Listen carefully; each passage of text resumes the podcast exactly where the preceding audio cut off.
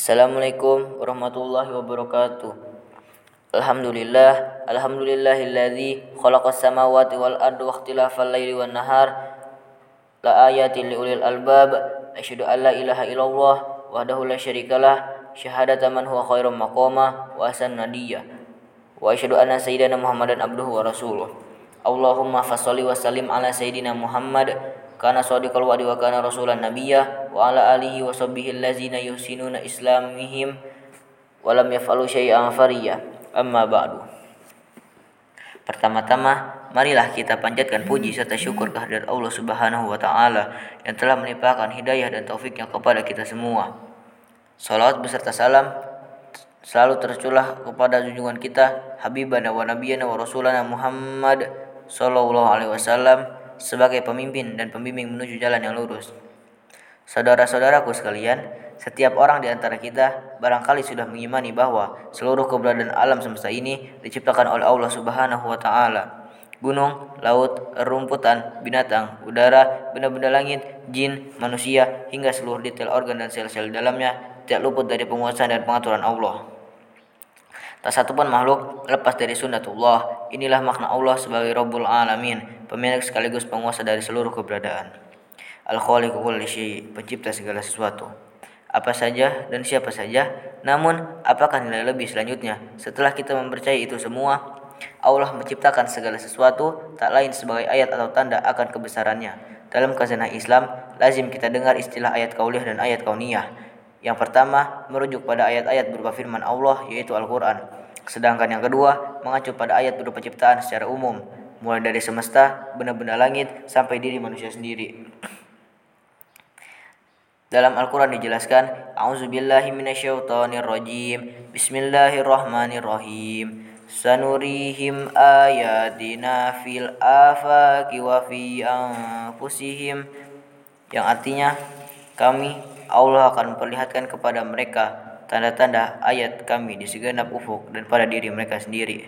Quran Surat Fusilat ayat 53 Tanda tetap akan selalu berposisi sebagai tanda. Ia medium atau perantara untuk mencapai sesuatu. Kita bisa tahu udara sedang bertiup ke arah utara ketika kita menyaksikan daun pepohonan sedang bergerak ke arah utara.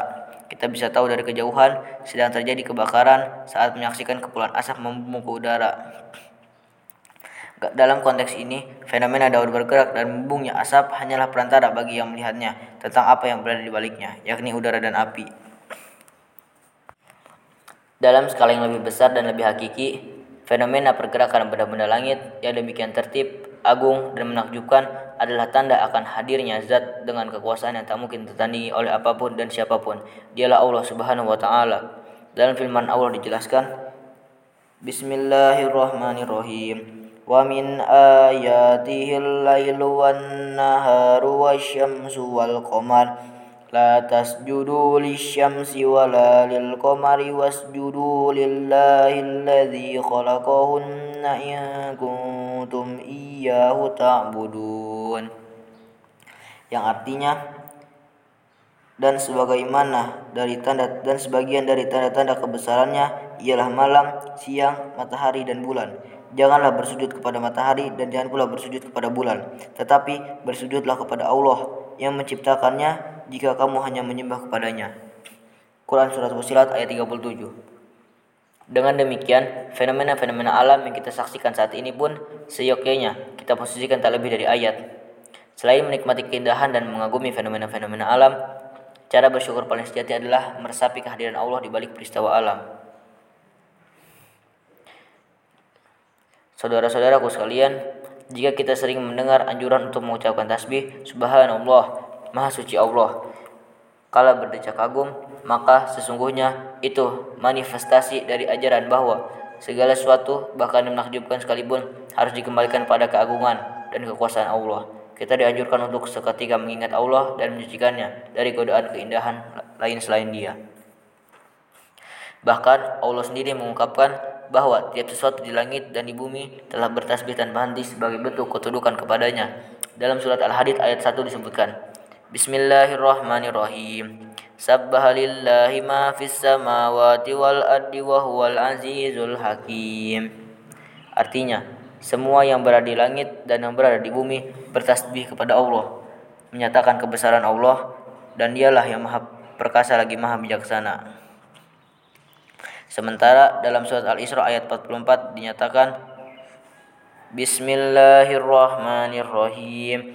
Tusabbihu lahus samawatu sabu wal ardu wa man fihin wa in min syai'in illa yusabbihu bihamdihi walakin la tafqahuna tasbihahum.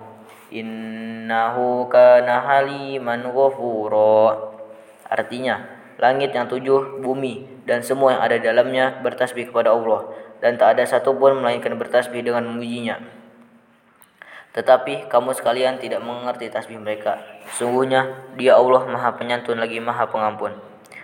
Quran Surat Al-Isra ayat 44 Saudara-saudaraku sekalian, apa konsekuensi lanjutan saat kita mengimani, menyucikan, serta mengagungkan Allah? Tidak lain adalah berintrospeksi diri betapa lemah dan rendah diri ini betapa lemah dan rendah diri ini di hadapan Allah. Artinya, meningkatkan pengagungan kepada Allah berbanding lurus dengan menurunnya sikap takabur, angkuh atas kelebih-lebihan diri, termasuk bila itu prestasi ibadah yang diingat adalah ketakberdayaan diri sehingga memunculkan sikap merasa bersalah dan bergairah untuk memperbanyak istighfar. Mungkin sekian yang saya dapat saya sampaikan, lebih kurangnya mohon maaf. Wassalamualaikum warahmatullahi wabarakatuh.